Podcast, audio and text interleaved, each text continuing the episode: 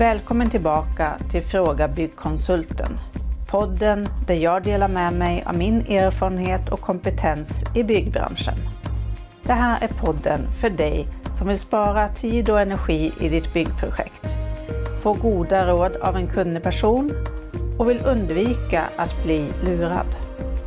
Gå till frågabyggkonsulten.se och ta chansen att få svar på just dina frågor. Och mitt namn Eva Karlsson. Har du blivit med fritidshus i år? Ja, i det här avsnittet av Fråga Byggkonsulten så tänkte jag berätta om några saker som du behöver veta om ditt hus för att ta hand om det på bästa sätt nu inför vintern.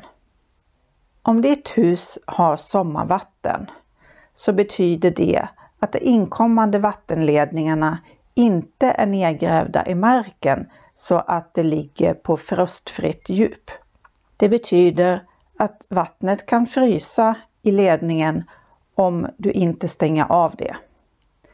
Vatten ökar ju i volym när det fryser och då kan det spränga dina ledningar, dels ute i marken men även inne i ditt hus.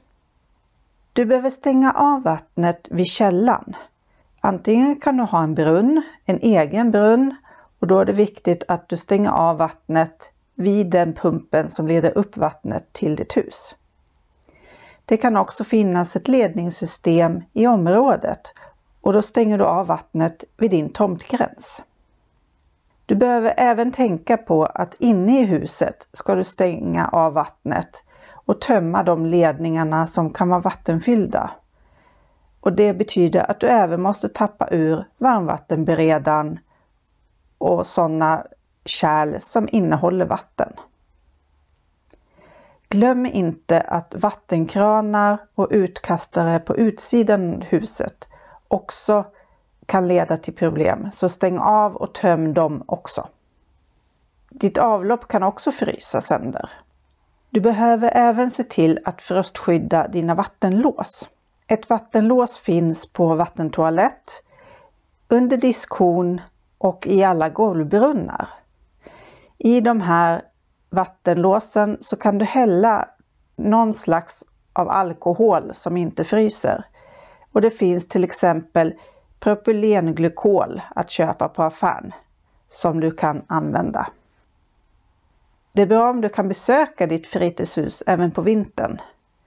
Har du inte den möjligheten så är det bra om du har någon granne eller någon som bor nära som kan åka dit. Du behöver veta hur mycket snö det ligger på ditt tak.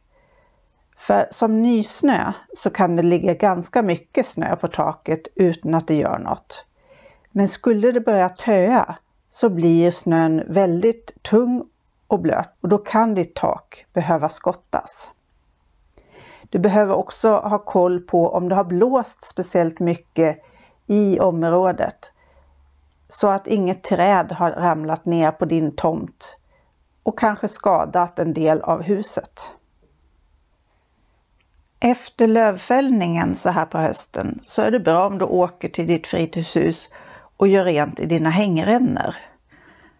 För att när snön börjar smälta i vår så vill du att den rinner bort i hängrännorna och ner i stuprören. Och då vill du inte ha massa löv som stoppar upp. För det kan bli att det stoppar upp så pass att vattnet börjar rinna åt fel håll, rinner ut på fasaden och skadar din fasad.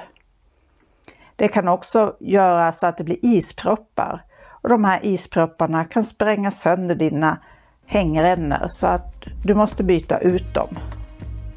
Tyckte du om det du har hört? Tryck tumme upp och skriv en kommentar. Och dela gärna till dina vänner så att fler får ta del av min kunskap.